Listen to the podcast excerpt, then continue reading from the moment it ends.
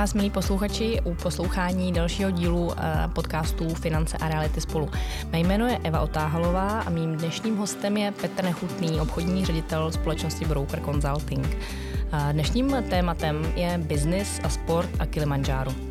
A tohle uh, specifické téma uh, tu máme proto, protože Petr Nechutný se nedávno vrátil z tohoto kopečku. A uh, já bych ráda, aby nám tady řekl něco nejenom o tom, o tom cestování, o těch zážitcích právě z Kilimanjára, ale i o tom, jakým způsobem se spojuje sport a business, protože on nejenom, že je úspěšný sportovec, a teď už i horolezec, ale je to i člen top managementu společnosti Broker Consulting, to znamená člověk, který už má nemalé úspěchy i v tom biznesu za sebou. Takže eh, k tomuto tématu, které si myslím, že už, už několikrát na různých eh, frontách bylo řečeno, to, že se biznis a sport eh, jsou spojité nádoby, protože mnozí biznismeni úspěšní jsou i sportovci, tak já bych přece jenom chtěla znát názor jednoho z nich. Takže Petře, já tě tady zdravím. Hezký dobrý den, Evi, a dobrý den i všem ostatním. A chtěla bych teda od tebe hned eh, na úvod eh, odpověď na tuhletu otázku nebo na tohleto téma. Jaká je ta tvoje zkušenost eh, se spojením biznesu a sportu, potažmo biznismenů a sportovců? Tak pro mě jsou to spojené nádoby. A řekl bych, že sport nás dělá lepšími do, do biznesu a uh, business nás dělá lepšími, uh, lepšími i do sportu, protože prostě ty dvě věci mají velmi podobná pravidla. Uh, od prostě toho, že se musí makat a pak máš nějaké výsledky, po fair play a po to, jak si nastavíš hlavu, takže um, ty dvě věci jdou prostě ruku v ruce. Pro mě je to neodmyslitelné, protože sport pro mě je příprava do práce a a ta práce mi zase třeba umožňuje poznávat takové věci, jako je třeba Kilimanjaro, protože to je prostě nebylo ani finančně úplně jako super jednoduchý na to, aby se tam člověk podíval, takže jsem vděčný té práci za to, že jsem se tam třeba mohl podívat a jak potom možná k tomu ještě něco řeknu, ale zatím takhle. K tomu, k tomu se určitě dostaneme, ale teďka ještě přece jenom budu trošičku rýpat do té do problematiky business a sport. Tak eh, to znamená, že lidi, s kterými ty pracuješ, s kterými se obklopuješ, ať už eh, hierarchicky dolů, v porovině, nahoru, tak jsou to převážně sportovci, nebo eh, je to, jak to na tebe působí? Protože samozřejmě eh, Broker Consulting je velikánská firma a nemůžou být všichni sportovci, to, to zase buďme upřímní. Eh, takže se tam setkáváš třeba i s různými jinými lidmi, nejenom sportovci. Jak, jak třeba ta zkušenost, rozumíš mi, co, co po to chce? Jako rozumím, tu rozumím. zkušenost prostě sportovec versus nesportovec. A, a, ty, a ty věci, co ty si říkal, to je přece jasný, že prostě ty sportovci mají tohleto společný, eh, nebo tyhle ty lidi mají jakoby díky sportu tohleto. Tak co přesně? Nebo to, jak moc to bereš vážně um, a vlastně proč sportuješ. Pro mě sport je jako kompenzace k práci a nicméně jsem skrz sport poznal nádherné věci. První je, když někam třeba jedeš, tak prostě jdeš si zaběhat někam třeba v New Yorku, tak je to úžasný, že tím krásně poznáš to město, tak to je jako první dar, co to dává, ale za mě i u nás ve firmě jsou sportovci jak směrem nahoru v rámci firmy, tak i směrem dolů máme skvělý sportovce a i se obklopují lidmi, kteří rádi sportují, že oni mají nějaké vlastnosti, které prostě... A jaké? To je to co, to, co chci slyšet. Já myslím, že to je ta základní vytrvalost. A ten biznes, co děláme my, tak je o vytrvalosti. A je to cílevědomost. Prostě, ono, když prostě někdy nemůžeš, ale potřebuješ doběhnout někam minimálně k autu nebo zpátky domů, tak prostě někdy musíš umět zatnout zuby a já si myslím, že i ty dnešní společnosti třeba ta vytrvalost trošku chybí, nebo ta schopnost prostě zatnout zuby, nebo si utáhnout opasek v nějaké situaci, nebo se prostě přizpůsobit, tak to ty sportovci třeba umí trošku líp. A, a nebo je to ten sport líp učí, prostě, že to vždycky není úplně mét a že je to, je to prostě nebude čekat s otevřenou náručí, takže asi možná takhle. No. No a tím, že, jak už jsi i zmínil, tak eh, v Broker Consulting je eh, spousta sportovců, eh, třeba i z různých oborů sportu, mm. ale celkově vy organizujete spoustu, spoustu různých společných aktivit, společných, v podstatě i to mm-hmm. Kilimanjaro bylo mm-hmm. ve finále mm-hmm. prostě broukrovská Jasně. akce, tak čím to je tohleto? Jako či, čím to, že prostě třeba jo, v každé v každý firmě samozřejmě se najde spousta sportovců z různých odvětví. Určitě. Ale, ale čím to, že prostě se vám daří takhle pořádat takovýhle akce různého charakteru, ať už to jsou, já nevím, půlmaratony, který, který děláte už, už několikátý uh, rok za sebou. A ať to bylo právě to Kilimanjaro, nebo prostě spousta dalších, jachting, golf. No, já si myslím, že to je povahou té firmy, že není jenom cílem, aby jsme jako dali jako do, dobrý pracovní zázemí, ale cílem je, aby jsme eh, naše kolegy něco naučili a mě firma naučila běhat, mě naučila jezdit na lodích, mě teď nově mě naučila prostě horolezení, v uvozovkách teda tomu musím říct, ale uh, tak snažíme se jako předat něco navíc a to je třeba jako vedení nejenom tím, aby byl nějaký obchodní výsledek, ale myslíme si, že jako firma má, bychom měli mít nějaký přesah v tom, že lidem dáme něco navíc, to, že můžou někam jako vyrůst jako osobnosti, ale třeba i to, že se naučí ten sport, který prostě já jsem třeba nenáviděl běhání, ale prakticky jsem tady viděl, že se normálně běhá, tak jsem se to taky zkusil a tím, že tam byla okolo fajn parta, tak jsem si říkal, no, tak proč ne? A, a nechal jsem se samozřejmě vyhecovat a nejenom k pro mě nepředstavitelnému třeba půlmaratonu, potom později k maratonu, ale potom třeba dál uh, i díky tobě k Čekmenovi, což vlastně je půlka železního muže. A mm, pro mě teda nepře, nepřekonatelným plaváním, že jsem velký neplavec, tak i takovéhle věci. Prostě normálně by mě nenapadlo si to dát sám, ale napadlo mě to díky tomu, že prostě mě tady formuje i nějaká jako parta lidí, uh, která mě i třeba tady v tom prostě inspiruje. Přijde ti, že to je takový velký benefit. Třeba když, když někdo řeší práci, jo, teďka jedna věc, nějaký finanční ohodnocení, ale zdá se ti to jako, jako benefit firmní? Uh, ale to asi také nedá nazvat. Samozřejmě jsem velmi bedlivý, kdy sleduju občas někoho z klientů, že se ještě jako částečně se potkávám s klienty. Uh, který dělají ve velkých korporacích, obdivuju, jsou velmi šikovní, ale na druhou stránku prostě vnímám, že jediné, co tu korporaci zajímá, je, je prostě jako výsledek. Nás zajímá víc a to si hrozně cením. Pro mě je to nejzásadnější věc, že, nad, že nade mnou někdo přemýšlí jako nad člověkem a ve finále si myslím, že je jako důležitý, nebo vždycky to tak pro mě tady bylo, nebo to na mě působilo, že ode mě chtějí něco víc, eh, abych prostě byl i nějaká osobnost a abych někam v životě došel. Nedokážu si představit, že bych dneska sport neměl ve svém životě, přitom jako bývalý vrcholový sportovec jsem k tomu sportu měl vřelej vztah, ale spíš jako, když to řeknu blbě, z donucení. Ale měl jsem to rád, protože prostě co v tu dobu jako jinýho. No, pak jsem to chvilku opustil a tady jsem viděl, že to je normál. A tak jsem prostě, a byla tam u toho fajn parta, spoustu věcí se při tom sportu dá dozvědět pro mě třeba důležitých tenkrát pracovních, tak to jsem tam načerpal, že já jsem si z toho vzal, co to vždycky v tu chvíli potřebuje. Dneska jsem byl tady 17 dní zavřený vlastně s majitelem firmy Petrem Hrubým, jsem byl zavřený 17 dní na Kilimanjaro, to víš, že jsem měl připravený seznam otázek, že jsem se ho tam ptal, prostě když mi nemohl nikam utíct, takže to bylo prima. A hlavně tam je podle mě úplně jiná atmosféra, než když se no. potkáte no. někde, někde v kanceláři. Tak to je úplně jiná atmosféra. Já jsem samozřejmě se trošku nechci říct bál, ale prostě jsem slušně vychovaný, takže jsem říkal Petře, hele, já jsem si tady dopředu připravil nějaké otázky v takovém jako kopci a Nechával jsi takový ty ožehavější témata na Kilimanjaro. Jo, no, tak jako, tak někdy na to není ten prostor, ale prostě zase na druhou stránku o, Petr je s náma velmi často o, na všech možných akcích, kde vlastně může být. A já si toho hrozně vážím, protože to taky není jako úplně normálka. A pro to, mě... to jsem právě chtěla říct, že je to zakladatel společnosti, která hmm. už, už eh, má mnoha miliardový obrat.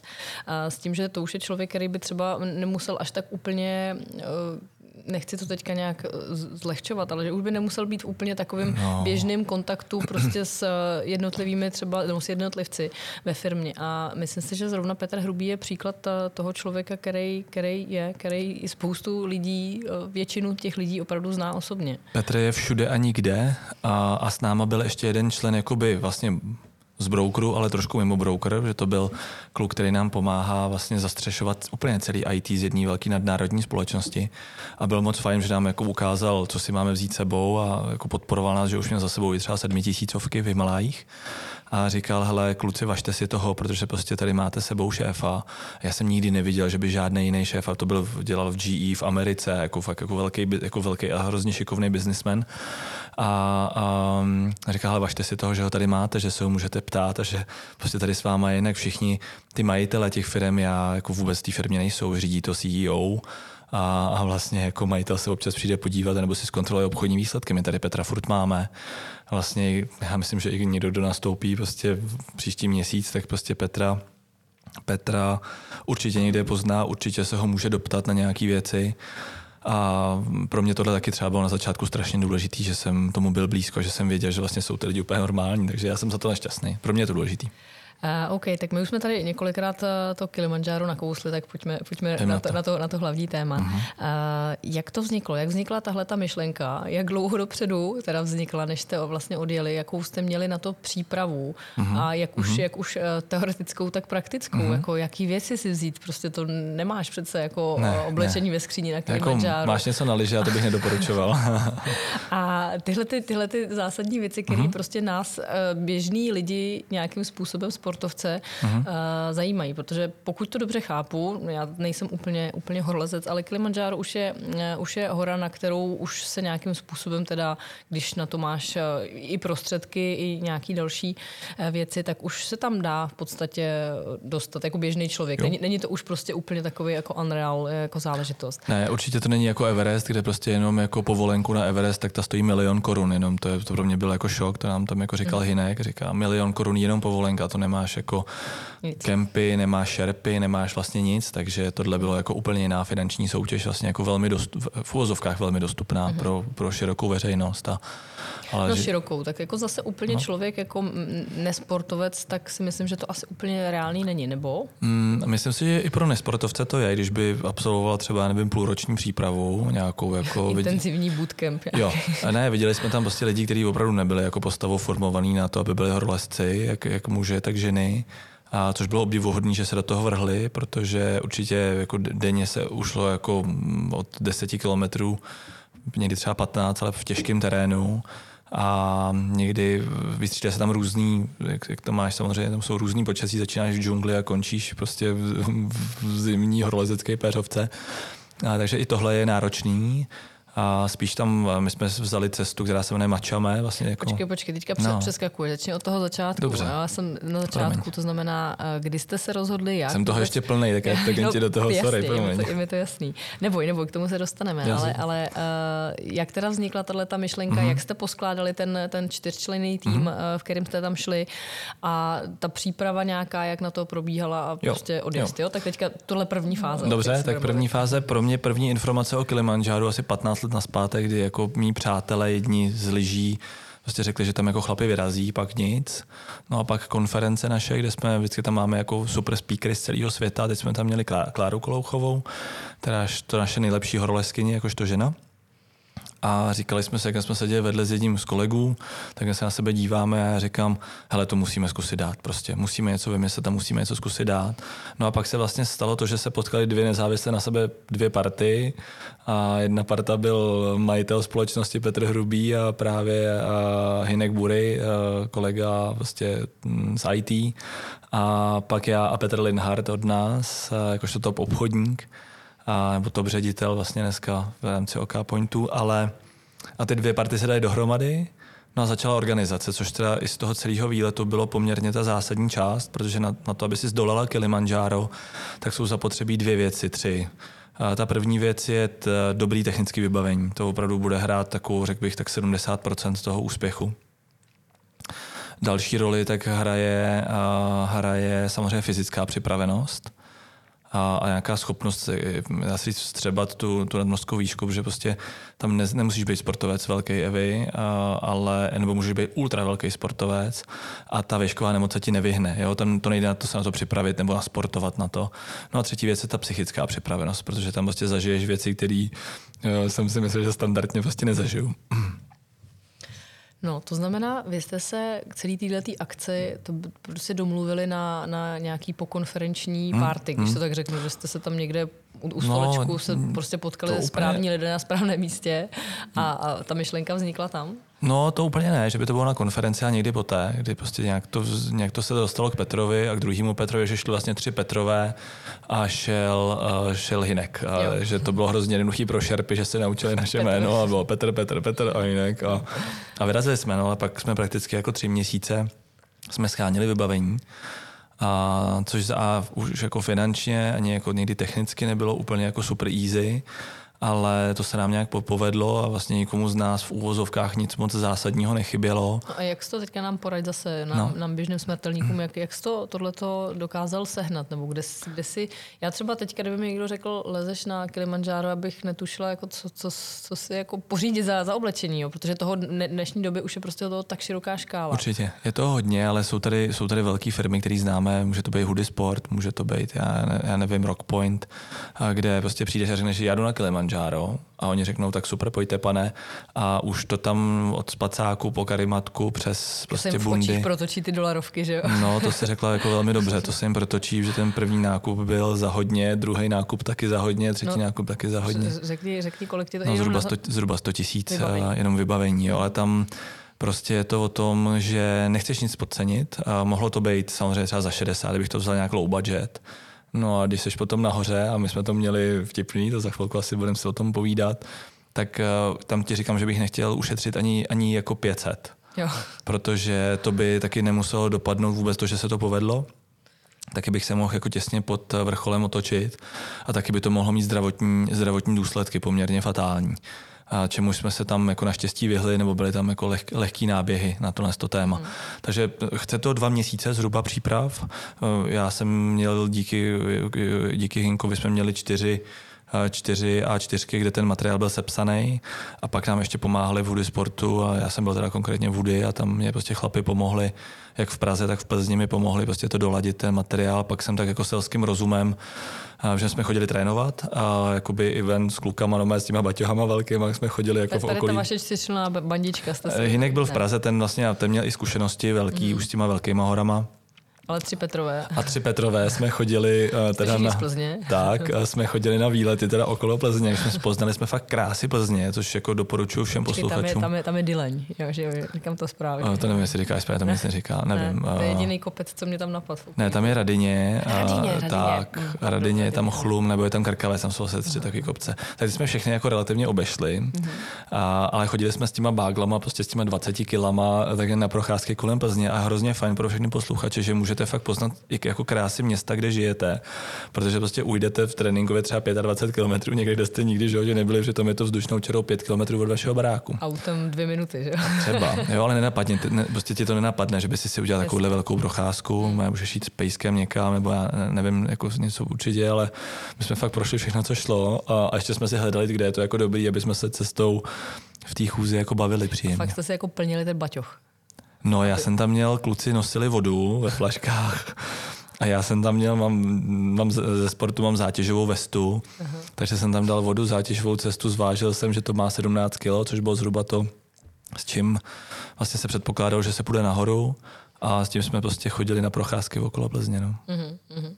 Dobře, no takže to znamená, pak jste se po pár měsících uh, potkali na letišti takhle už uh, v plné polní vybavení. No, to bylo taky vtipný. Uh, původně, původně kravaťáci jste se tam potkali teda v, v šortkách. To jsme na sebe koukali dost divně. Poznali jste se. No, bylo to zajímavé, ale ono ještě předtím tak musíš vybrat jako správnou agenturu, která ti ten výlet zprostředkuje, aha, aha. což měla na starosti Hinek a tam je jich třeba tisíc těch agentur, že opravdu tam to jako mas, masivně to tam živí celou tu ekonomiku a je to pro ně jako alfa omega tam jako totál. Takže letenka celkem šla rychle a jsme letěli přes Curych ze Swiss, to bylo v pohodě a tam lítá hodně letadel, protože nás na, na, na International Kilimanjaro Airport prostě vyhodili asi 10 lidí a pak dál pokračovali dalších 40 minut na Zanzibar. Mm-hmm. Proto to letadlo vlastně bylo plný. A, a my teda poprvé jsme jeli, že krosnu dáš od, odbavit a ještě já jsem měl v tom, tam musíš mít sebou útočný baťoch takzvaný. A tam prostě jsem měl x dalších jako věcí, které měly být v tom velkém baťohu, mě se tam nevešlo tak jsme to tam nějak pitlíkovali a potkali jsme se na letišti, tam jsme jako si řekli tak ahoj, a tam jsme se viděli vlastně všichni poprvé, protože s Hinkem jsme měli nějaký jako videokoly, aby nám řekl co a jak a jsme se potkali, tak jsme věděli, že to bude OK. A, a už jste, prosím tě, no. letěli jako, jako baťuškáři, anebo ještě jako biznismeni? Ne, ultra baťuškáři, normálně, normálně tenisky, tepláky, nebo jako... Já myslím, myslím v té třídě toho letadla. Prosím tě, část letěla, část letěla jako biznismeni, část letěla jako baťuškář. Dobře, dobře. dobře, takže vystoupili jste na Kilimanjaro Airport a co, co bylo dál? A tam už, tači, tam už začalo holení. v Africe, když seš, tak prostě hned tě oholí kdekoliv, kam vstoupíš, takže už už na letišti, když tam někdo, najednou tam nějaký lidi, co nám pomáhali s kuframa a během minuty už jsme platili první dolary za to, že prostě někdo nám šách na kufr, jo, takže to je tam trošku takový, jako na to se musíš psychicky připravit, že není úplně jako super, ale prakticky jasný, přesný plán, a kdy jsme vlastně měli že když bys šla normálně na Kilimanjaro, tak máš asi 40% šanci, že se dostaneš nahoru kvůli aklimatizaci. A my jsme si to chtěli dát s jistotou, takže jsme ještě předtím jako tréninkově šli pátou nejvyšší horu Afriky, což je Mont Meru, tam má asi 4,8. A paradoxně vlastně stejně těžký zážitek jako Kilimanjaro, protože ta hora je úplně jiná. Ale myslíš si, jakožto, teďka třeba odbočím od toho horolezení, ale, ale jakožto vytrvalec sportovec, eh, je to fakt k něčemu? Jako stojí, stojí to za to absolvovat takovouhle horu, která je téměř jakoby stejná, stejná zátěž jakoby potom ta cílová, to znamená, jo, že to, to, že jste šli to Montmeru, tak jestli to prostě mělo tu přidanou hodnotu, anebo jste si jenom prodloužili ten výlet? Ne, extrémně si si zvýšila šanci, že si to Kilimanjaro povede. Vlastně hmm. po nás šla nějaká výprava tady z Čech, s klukama jsme si psali asi týden po nás a šli to úplně stejně, takže jako doporučuju, že tam to všude nabízí, jako ve všech vesnicích, jako viděte si Kilimanjaro, prostě představ si, že jsi na Zanzibaru, tam je to f, jako famózní v tom, tam je jako vlastně jediná věc dobrá, že tam narodil Freddie Mercury a, a jenže tam máš všude nápisy, jako vyjdi si za asi 2000 dolarů na Kilimanjaro, ti tam půjčí ty hadry. Já jsem ty lidi v těch oblečeních viděl. Jednomu pánovi, ten byl takový korpulentnější, tak uh, koukala z těch kalhot nahoře, tam bylo lehce minus 20 a foukal jako nepředstavitelný vítr a pán se ohýbal a bylo mu tam vidět jako půlka pozadí, že kdybych měl u sebe deseti korunu, tak, tak by našla, našla svoje místečko. A to bych fakt v tom nechtěl být, teda tomu muselo být, já jsem, to, no, to musel být šílený. No. Hmm. Takže vlastně my jsme to udělali jako jak nejlíp šlo a udělali jsme to z toho důvodu, prostě, aby jsme si zvýšili tu šanci, že to nebyl jako extra výlet, ale bylo to jako dobrý trénink. My jako začátečníci jsme si na tom vyzkoušeli techniku, vyzkoušeli jsme si vlastně, jak těžký je ten poslední výstupový den, to je jako extrém a jestli všechno sedí, no, takže i to pomůže, že máš víc sebevědomí potom na, tu, na, na ten cíl té cesty. Mm-hmm. Dobře, to znamená, přijeli jste, eh, nějak trochu jste se aklimatizovali. Hmm. První, první bylo teda, byl výstup na Montmeru. No, ta aklimatizace spíš spočívala jako aklimatizace spíš na místní stravu, která je dost příšerná. A ať jsme dělali, co jsme, co jsme jako mohli, tak prostě se nám nedařilo najít, jako najít něco k jídlu, co by nepoškodilo náš evropský trávicí trakt. Mm-hmm. Takže už druhý den uh, jeden z účastníků výpravy prostě při jízdě taxíkem si jako lehce ne, odložil. Nebyl v pohodě. ne, nebyl v pohodě, tak to můžeme říct lépe. A tak jsme se tam potýkali i s takovýhlema věcma. To, že se směješ, tak to znamená, že jsi to nebyl ty. Ne, nebyl jsem to já, a, ale nesmáli jsme se v tu chvíli, protože druhý den ráno jsme odcházeli na to Montmeru a kolega prostě mimo to, že teda měl žaludeční problém, tak ještě k tomu se přidala horečka a říkali jsme si, no, tak jako jak, jak tohle vyřeší do zítřka do rána. Ale on se úplně zázračně, my jsme teda měli takovou lahvičku, v té byl, v tý byl, my jsme tomu říkali lék, to jsme dostávali z rukou nejpovolanější, jsme dostávali každý den ráno lék. Mm. Uh, byl tady z Moravy, uh, dělá se z takových ze, ze švestek. tak. A to jsme fakt jako profesionálně jsme měli, my jsme tady měli na čtyři lidi, prosím, aby to jako posluchači nevzali špatně. Tak jsme měli asi sedmičku uh, na na čtyři lidi na, na, na, na ty dvě hory, tak mm. doporučoval bych zhruba zdvojnásobit dávku, to by mohlo vydržet a my jsme museli velmi šetřit, mm. což nás samozřejmě v některých momentech i mrzelo, ale uh, to nám jako asi pomohlo, ale jinak uh, Celkově dalo se tam něco dokoupit ještě, ještě uh, ať hmm, už v rámci to je, dobrý, to je dobrá, to je dobrá otázka. mě to napadlo i v rámci hmm. tady toho uh, pití, ale, ale i třeba občerstvení sebou, nebo tahli jste si sebou veškerý takový ty tyčinky, gely a Měli jsme sebou proteinové tyčinky a gely, ale měli jsme jich málo a, a tohle je tam hrozně drahý. Já jsem třeba hrozně rád tím čokoládu. Na to jsem fakt profesionální, jako uživatel čokolády, jako v obrovském množství. To si ještě nikdy nezažila, co já předvádím. Ale um, tam jsem si chtěl koupit čokoládu a byla za takový peníze, že jsem si řekl, že si tu chuť nechám až do Čech.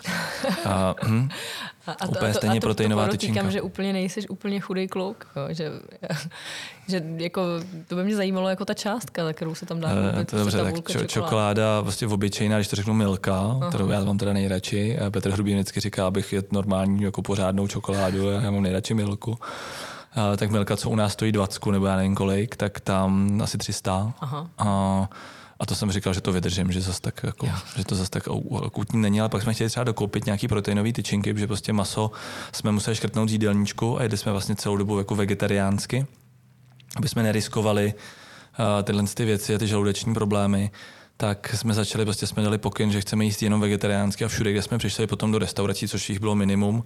A pak hlavně na těch kopcích, tak jsme poprosili kuchaře, že prostě neexistuje maso. Protože představ si ten první den toho výstupu, kdy teda jsem ten žaludeční problém měl hned na startu já, asi po třech kilometrech a večer byla ryba která šla ale 10 hodin, nebo já nevím kolik, 8 hodin šla, plus, tři, plus 30 stupňů šla s náma. Šla no. S tak jsem říkal, tak rybu já fakt ne. Um, jo, tak, eh, tak na tohle je nutné dávat bacha, až prostě eh, tam ne, nechybilo tím, že vy vlastně ani jeden, pokud, pokud to dobře, tomu dobře rozumím, ani jeden nejste vegetarián nebo vegan Nejsme. standardně. Ne, neměli jste za celou dobu nějaký abstinenční, nebo no, tak, příznaky, ale jestli už si, jste neměli vyloženě chuť, já, já to znám třeba z těch dlouhých závodů, jo, teďka pořád přesně jíš proteinový uh-huh. tyčinky, různě to střídáš, no, aby tam byla tuhá strava třeba nějaká, ale, ale už toho máš jako dost docela. Jo. A vy jste tam byli 17 dnů, takže to, je, to, to není úplně jak běžet maraton. No, jako tohle eh, třeba pro Hinka, který čistě prostě jede takovou tu proteinovou dietu, že prostě jenom maso a zeleninu, což to prostě že dělá takový výbušnější sporty, tak bylo velmi náročný. Takže ten, jako, ten bažil po všem mase, no ale tam, když přijdeš do jako slušně vypadající restaurace, tak to maso prostě bylo totál overshot a nedalo se to jíst, že to byla jak podrážka. Takže prostě on do toho jednou říznul a řekl, já tohle jíst nebudu, takže chudák tam musel přejít na teda sacharidovou dietu, ale nebylo to veselý, takže jsme potom jako prosili, ať nám na to Kilimanjaro vlastně koupí třeba tu nějaká v konzervě, tak kluci to vzali po svém a koupili přesně dvě eh, jako malý konzervy, asi tak 200 gramový, takže to jsme si užili jako jednou, jinak jsme furt museli jíst prostě jako fakt z důvodu bezpečnosti, že prostě nechceš o ten výlet přijít, jsme museli jíst úplně jinak. Hm? Mm-hmm. Dobře, co, co teda následovalo potom? Uh, pojďme už teďka vyloženě na samotný výstup. Tak uh, říkal se taky, že vás tam potkali nějaký, jsem tam nějaký uh, nemilý potíže, který jste ale všechny dokázali nějakým způsobem zvládnout. To znamená teďka ten, ten příběh toho, toho výstupu. No tak výstup... A teďka prosím pro nás, ty už jsi teďka zkušený horolezec, jo? ale, ale věřím, že nejenom já, ale i spousta našich posluchačů jsou třeba lidi, kteří, kteří hmm. na, mhm. na tyhle ty vyšší hory nikdy nalezli, to znamená vysvětluj polopatě. No polopatě je to nejvíc... Takový ty tábory, jak jsi říkal, ty jo, názvy těch jo. táborů. Tak my jsme zvolili cestu, která byla sice nejdelší, ale ze všech dostupných informací nej, nejkrásnější, se jmenuje Mačame. Jinak jsme se potom dívali, kolik vlastně stojí ten samotný výstup. A třeba na to Kilimanjaro by mohlo někoho zajímat, je to někdy bez, zase bez šerpu, jenom to, že tam máš jako permit, jako vstupenku a to, že můžeš tam někde stanovat, tak na to kili je asi 20 tisíc. Pak máš, já nevím, tyko, kolik tu, ale to dost. Máš to stejný za ty guidy, vlastně tam nemůžeš jít sama, musíš mít někoho sebou. Vlastně na tom Montmeru s náma šel i Ranger, ten měl normálně pušku, protože tam byly, tam byly buvoly, a ty buvoly prostě nejsou úplně nejpřátelštější, takže kdyby se na nás chtěl buvol, tak prostě od toho tam byl ranger, ale toho zase platíš extra. Uh-huh. To, tu první horu s náma šlo asi 10 čerpů, ale ono v těch deseti lidech je máš kuchaře, někoho, kdo ti staví stany. Nakonec ve finále jsme čekali, že si ponesem ty bágly, nenesli, to nám nesli oni. A já jsem to teda celkem kvitoval, že jsem si asi měsíc před výstupem na Kilimanjaro jsem si jako podvrh koleno, což není úplně to nejlepší možný, takže jsem šel s ortézou a bolelo to. Ale mm, to tě zase naučí ten sport, že prostě ty to znáš dobře, když běháme nějaký dlouhý tratě a prostě tě chytne puchejř nebo prostě tě něco začne bolet, tak to musíš trošku zavřít oči. A to mám natrénovaný z toho sportu i do toho biznesu, že prostě ne vždycky je jako dobrý období, tak tohle ti pomáhá. No ale ve finále to bylo tak, že mm, na tu první horu, teda zhruba v takovéhle partě, no a mně se tam stalo, že prostě po prvních třech kilometrech jsem si, jak to říct slušně, uh, odložil mm, vlastně všechen v oběd a všechno do křoví. A teď jsem byl před tím rozhodnutím, jestli se prostě otočím a půjdu dolů, někde se jako schoulit do klubíčka a, a, a nějak se léčit, a nebo že se kousnu a půjdu dál dalších prostě pět, šest hodin, což jsem se teda, já jsem ten typ, co se kouše a, a to je i díky tomu třeba sportu.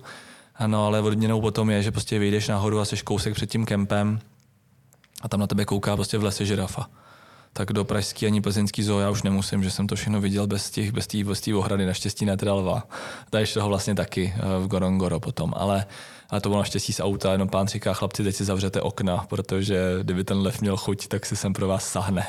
Uh, bude to v pohodě, ale vy byli úplně zlatoučký. Nicméně um, na, na Kili jsme šli v partě asi z 15 lidí, jako bez nás, takže nás bylo fakt hodně protože tam prostě potřebuješ toho supportu víc a občas se musí níst voda, protože někdy v nějakých místech třeba není, ale um, na tom Kilimanjáru prostě spousta endemických rostlin, které jsou prostě jenom tam.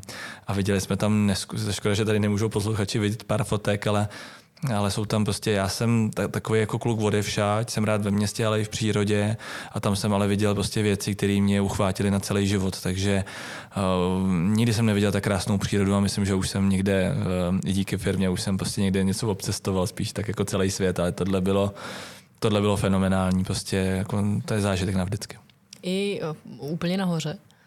Uh, tam, no, já to většinou ta moje zkušenost těch mnohem menších kopců je taková, že jdeš krásný, krásný, krásný, jak se blížíš k tomu vrcholu, tak už z toho začíná být jenom takový jako... Tohle říkáš hezky a dobře, protože to krásný se tím mění vlastně v nic, ale tam už ti víc přichází ten cíl a ten vrchol. Jasně. Jo, takže to vyměníš, prostě tu mm. krásu té přírody za to, že je tam ten cíl a tam třeba nahoře na tom Kili si teda řeši, jsme řešili úplně jako jiný záležitosti, protože prostě nám přišlo špatný počasí a bylo to, bylo to až moc, bych řekl. Ale nahoře máš zase třeba krásný ledovce, ale upřímně tam jsme si prostě cvakli jednu fotku. Já tam nahrál tři videa pro lidi, kteří prostě jsou pro mě důležitý. A, a, a fakt jsme mazali dolů. Mm-hmm. A ani, jako, ani jsme neměli chuť tam moc rozlížet, protože to bylo dost přísný. Jak dlouho teda trval ten výstup nahoru? No na tom Kilimanjáru nahoru jsme šli asi pět dní mm-hmm. a, a ten úplně ten ta, ten top uh, z toho vlastně basecampu, oni tomu, tomu poslednímu kempu před tím vrcholem říkají basecamp, což je opačně, než je všude normálně, tak uh, to nám trvalo asi pět hodin. No ale startuješ prostě v jednu ráno, tě zbudí, uh, takže máš za sebou prostě minimum spánku. Ještě já mám můj spolubydlící, sice úžasný parťák a skvělý chlap, no ale potom už dostal přes dívku Hinek motorová pila, jo, tak uh, a ne, nedokázal jsem ho utěšit ani laskavým laskáním, ničím, ale víš, tak jako tak kombinace toho, že prostě někde čtyři dny jdeš, pak se, pak se blbě vyspíš, je pekelný počasí a pak to jdeš nahoru, což je prostě výstup opravdu, že jdeš jako krok sun krok a je to jako extrémně pomalá chůze, ale já pořád v tepovce třeba 130, což je jako u mě docela jako slušný běh. A, a potom nahoře ta tepovka ještě vejš a ty vlastně stojíš na místě, tak je to hrozně zvláštní pocit, jako kombinace únava, ta, ta vysoká nadmořská jako výška, jako méně vzduchu, a to kombo těch věcí a třeba hrozná zima, že foukal takový vítr, že když si šla proti němu, tak se nešlo nadechnout. Vlastně si jako dobře dechla, jenom když si šla proti němu zády, vlastně tak, tak jako nahoru cikcak. Ale nahoře ledovce a nahoře jako super, ale tam, jak říkám, tam už měníš za ten, za ten cíl cesty. No a tam, tam, co jsme říkal, tak tam nastal taky nějaký problém s tou teplotou, s oblečením a tak dál. No tak já jsem, jako my jsme všichni vyšli jako velmi, vel, velmi jako tvrdě už od, odění a vlastně jsme měli už jenom poslední vrstvu sebou a to byl takový ten jako totální neprofuk, ale jeden z kolegů a to můžu říct, to byl Petr Hrubý, tak prostě jako, hm, já nevím, jestli technická chyba nebo únava nebo cokoliv, ale prostě vzal si pod ty výstupové rukavice, protože když máš dvoje rukavice, dvoje ponožky, jako fakt, ale speciální ponožky a speciální rukavice a Petr si pod to vzal prostě rukavice, který měl na vlastně celou dobu na sobě a říkal si, že to bude OK, že oni byli techničtější horázu, než ne, neměli tolik vlny v sobě, že tolik nehřáli No a když s těma hůlkama, tak máš ty ruce jako do pravého úhle, jinak ti do nich teče krev. Takže Petr říká, hele, já přestávám cítit prsty na rukou, No a téměř jako mm, kilometr pod vrcholem už ty prsty necítil vůbec. A kdybychom neudělali rychlou výměnu o, rukavice za, za správně, že prostě Hinek půjčil Petrovi rukavice, tak si myslím, že by se Petr musel otočit. A co Hinek? A Hinek, myslím si, že trpěl jako kůň, ale nic neřekl. takže Ale tohle se dalo a zase o tom je tam ta parta. Jo? To je jako hrozně důležitá věc, že tam musíš jít s lidmi, s kterými si věříš. Proto i my, já bych prostě, když to řeknu blbě, já z biznesu, tady od nás znám ty lidi a vím, jak se chovají v těžkých situacích a věděl jsem, že když se prostě cokoliv stane, že se o sebe navzájem postaráme. Že tak jsme zvyklí se tady k sobě chovat, že jako každý chvilku tahá pilku, když to řeknu blbě, že ne každý má vždycky jako veselý období, anebo ty, co mají to šťastný a dej jim to suprově, což teda bych řekl, že dost z nás, že na tom ale makáme, tak že to prostě jsme zvyklí předávat si navzájem a podporovat se a tahat za jeden pro vás. Já si myslím, že tak, jak poslouchám třeba klienty, anebo třeba někdy i konkurenci, který dělá si jako bytostně vážím, tak a to tam neexistuje tohle. A je to hrozně důležitý, jak, jak do toho sportu, i toho horolezectví, tak pak do toho biznesu, protože prostě víš, že se o ty lidi nebo o tu firmu můžeš jako brutálně opřít, takže se nemusíš bát, že když ti bude někdy blbě nebo bude to vypadat jako ouvej, že to bude těžký. Mm-hmm. Dobře, pojďme, pojďme ještě teda rychle, rychlej sestup. Ty jsi říkal nahoru pět dnů, dolů No prostě dolů původně jako den a půl, ano. ale já už jsem nechtěl být eh, ve stanu a nikdo z kluků nechtěl být ve stanu, protože už jsme toho měli plný zuby. Ono některá ta cesta nahoru vede i přes ty chatky, což je jako velký komfort, to je jako alkron, sice ty chatky třeba často nemají okna a tak dále, ale je tam postel. A tak prostě už jsme řekli, že ne, takže původně to, co se jde dolů den a půl, tak my jsme šli dolů 15 hodin, mm-hmm. ale musím říct, že teda výrazně horší je to cest, je cesta dolů, než cesta nahoru. Hrozně bolí kolena i zdraví lidi, a, takže tohle, tohle mm, jsme se prostě kousli, akorát, že jsme dole už jsme šli, bylo to asi 28 kilometrů přímou čarou jako dolů, jinak nahoru to bylo asi pade a mm, byli jsme úplně mrtví. Už, už jako tam byla ta vidina toho, toho nějakého hotelu nebo penzionu a té teplé sprchy a je to tak? Mm, spíš penzionu než hotelu, ale že jsme to fakt vzali jako prostě chlapsky, nám to nevadí ale tam už byla jenom černá deska e, ve výhledu a už tam byl jenom autopilot a mm, bylo to hrozné. Jako ten cestu byl šílený, ale už jsme se viděli, že jsme někde v pohodě, v nás potom jako koncovka čekal Zanzibar a, a už jako odpočinek a pláž, tak už jsme se viděli někde na té pláži, což pak ta odměna teda přišla. Mm-hmm. A co, co potom ten návrat? To, to by mě zajímalo, jaký ten návrat do reality. tohle, protože všichni známe ty návraty po té dovolený. A tohle to muselo být ještě návrat z úplně vlastně jiného světa, z úplně jiných podmínek, kdy jste se zase vlastně eh, všichni vrátili zpátky tady do těch, do těch obleků, do těch kanceláří, mm. kdy mhm. vlastně ze dne na den řešíš zase úplně, úplně jiný svět a jinou problematiku. Já jsem se do toho obleku hrozně moc těšil, protože ta práce mě prostě už 15 let baví. Protože jsem byl takový, velký, veď, jsem divný. Trošku velký mi byl, ale ta Afrika je jiná v tom, že ty lidi jsou tam hrozně pomalí. Tak už v Curychu na letišti jsme si říkali, Safriš, tady je to všechno rychlý, jak se taky zpomalíš. Ale všichni jsme se shodli, i včetně třeba Petra Hrubýho, že si vlastně nikdy také neodpočal, protože jsme prostě tam nebyl signál nikde. Tak jsme jako, snad já poprvé v kariéře jsem prostě jako normálně nepracoval. Měl jsem trošku depku teda z toho, co se kde děje, jestli není někdo jiný mrtvej. Ale nikdo, všichni to zvládli, všechno to bylo v pohodě. Ale mm, byl to, jako, byl to střed s tím světem a ještě do dneška si píšem, jsme tady zpátky, já nevím, 14 dní tak si píšem, že bychom si teda nějakou horu dali, anebo nějakou z těch laskomin, co nám tam ty africký kuchaři dělali, zejména třeba i biškový čaj, protože hele, my jsme šli na horu 6 dní a oni nevzali nic jiného, než prostě jenom i biškový čaj. My bychom tak si dali černý nebo zelený, ale oni měli kluci jenom jeden. A my jsme to pili od rána přes oběd až přes večeři. A takže dneska za i biškový čaj bych někoho podle mýho opravdu se dá říct, že i zabil. takže nescháněl to, jo? Jako ne, ne, ne, ne, ne, ne, ne, ne, ne, ne, určitě ne nechci ho ani vidět. Ale nic, tak to, ale, ale i tohle si musíš, jako, i tohle si do toho kousneš a hrozně pro mě to byla dobrá příprava do toho biznesu, protože to byla jiná, jiná, jiná jako jiný druh, jako dá říct zátěže, než zažíváme my třeba při těch půlmaratonech nebo při těch bězích nebo na kole, já nevím, ale mezi tím si měla spousta prostoru uvažovat. A, takže já jsem to vyplnil nějakým jako mentálním tréninkem a to nejsem velký ezoterik, ale pomohlo to a a zase si myslím, že mě to hrozně posílilo na to, co mě čeká tady v práci, takže, takže za mě prostě to je, to je vejlet, který nebyl nejlevnější, nebo byl drahý, ale to se sakra zaplatí a věřím tomu, že to tady jako dobře prodám v rámci jako toho, co děláme. No dokážeš to teďka tak nějak zesumarizovat finančně, kolik každýho jednoho z vás, nakolik, nakolik tenhle ten výlet vyšel. A teďka sakum prásk, prostě mm, veškerý tyhle mm. ty poplatky, letenka, mm. plus teda to ještě, ještě to vybavení, který by si jinak nepořizoval. Já si myslím, že zhruba čtvrt milionu. Čtvrt milionu že to fakt jednoho. jako není. Mm-hmm. Já jsem samozřejmě říkal, že já jsem jako spořivý typ, uh, tak jsem si říkal, že bych jako ušetřil, že bych si vzal nějaké věci na lyže, ne? že to mám prostě super, že jsem bývalý závodní lyžař. A ne, a, nebylo by to ono. Ale bál jsem se, bál jsem se jako o to, že by mohlo být něco blbě a udělal jsem strašně dobře, že jsem jo, prostě... Ne... Myslíš si, že by takhle zpětně myslíš si, že by to nebylo? Blbě, no, jo? to fakt funguje úplně jinak, to oblečení. Ale využiju ho dál i tady na normální nošení, prostě teď jsem si vzal kalhoty někam, ty těžký. Hospody. Eh, ne, to ne. Ale třeba bundu si vezmu jako úplně v pohodě. Takže využiješ ty věci, taky už jsem si říkal, že bych už nikdy nešel, že to někde prodám. Ale uh, asi rád půjdu a, jako, a, mm, je to jako OK Těch peněz to bylo hodně, 100%, a, ale výměnou za ten životní zážitek a um, kdy jsem tam měl asi jako nejsilnější moment, když to teda neví kluci, tak jsem to nebudou poslouchat. Tak, určitě ne. Ne, určitě tak je to dobrý, tak je to fajn.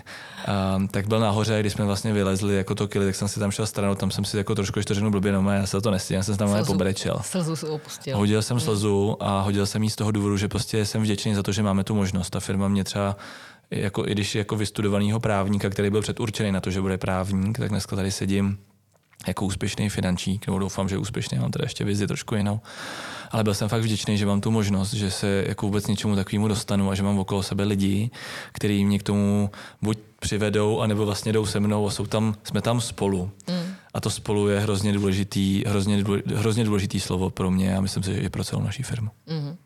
A já se ještě vrátím k té k sportovní stránce trošičku. Mm. A uh, to je, jak jsem se ptala i na tu aklimatizaci po návratu, tak e, jak jsi na tom byl fyzicky? Protože ty uh, dlouhodobě sportuješ, sportuješ poměrně hodně.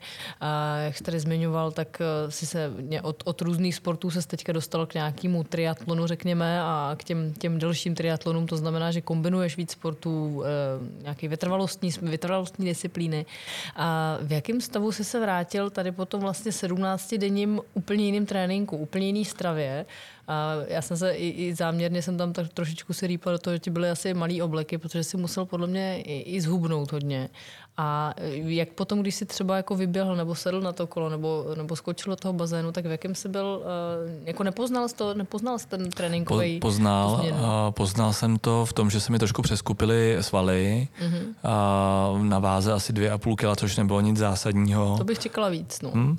ale a hrozně jsem cítil sílu jako psychickou, protože prostě a jsem věděl, že mám víc červených krvinek, což znamenalo, že prostě můžu víc zabrat a že než ta aklimatizace prostě skončí, takže tam to tam mám, takže jsem samozřejmě trošku tlačil víc na pilou Um, cítit to bylo ne vždycky, to je zase kombinace spánek, jídlo a tak dále, ale určitě to pomohlo a kdyby ničím jako hmatatelným, tak strašně to pomohlo psychicky, kdy prostě tam si prostě z, máš víc tu roli toho, že prostě zatneš zuby a musíš jít, když chceš jít nahoru. A já nahoru chci jít, mm. takže tak. Ať v tom triatlonu nebo, nebo na nějaký další hory. Dobře, Peťo, já tě, já tě poprosím jenom o nějaký asi eh, závěrečný slovo na tohleto téma celkově eh, sport, business, eh, Kilimanjaro, sportování v rámci broker consulting pro případný lidi, který, který třeba zaujala tato myšlenka těch i, i nefinančních benefitů, který nabízí společnost. A každopádně já vám všem děkuji za pozornost. Doufám, že omluvíte lehké od, odklonění od našich běžných finančních a realitních témat, ale tohle to si myslím, že je téma, který spojuje celou firmu Broker Consulting a celé, celé, celou tuhle tu tématiku a biznesový témata. Takže já děkuji moc Petrovi Nechutnému a předávám mu tímto závěrečné slovo. Tak eh, Evi, díky za to, že jsem tady mohl být a díky i vám posluchačům. Snad eh, se vyprávění eh, bude líbit, nebo líbilo. A to závěreční slovo, ty dvě věci, ať dneska nic neděláte, tak něco dělejte, protože vám to do života pomůže, i kdyby ne do toho pracovního, biznisového, tak obecně. A já vždycky jako motivuji ty lidi kolem nás k tomu, aby prostě se víc hnuli, ono to pomůže prostě ve všech oblastech života, tak to je jedna věc, kterou teď můžu říct a myslím si, že to bude fajn a nebojte se toho, Jestli chcete poznat hory, jako jsem chtěl já, tak, tak doporučuju. Jsou tady i v Čechách, jsou krásný, tak jako na to běžte mrknout. A jestli máte záluz na Kilimanjaro, tak prostě začněte organizovat a udělejte to. A jak ve sportu, tak v biznise nebo možná na horách, tak vám to hrozně pomůže. A, a držím vám palce, ať se to povede. Moc děkuji za, za váš čas. A kdyby měl někdo nahoru zálusk na Broker Consulting? a tak normálně ať se ozve a my ho tady velmi rádi přivítáme, tak jako vítáme teďko, to musím říct od nového roku spoustu lidí a jsme na to pišní a jsme rádi, že jsou tady s náma. Tak jo, děkuji moc za pozornost tobě Petře, děkuji, že jsi dorazila. Mějte se krásně. Díky, Evi.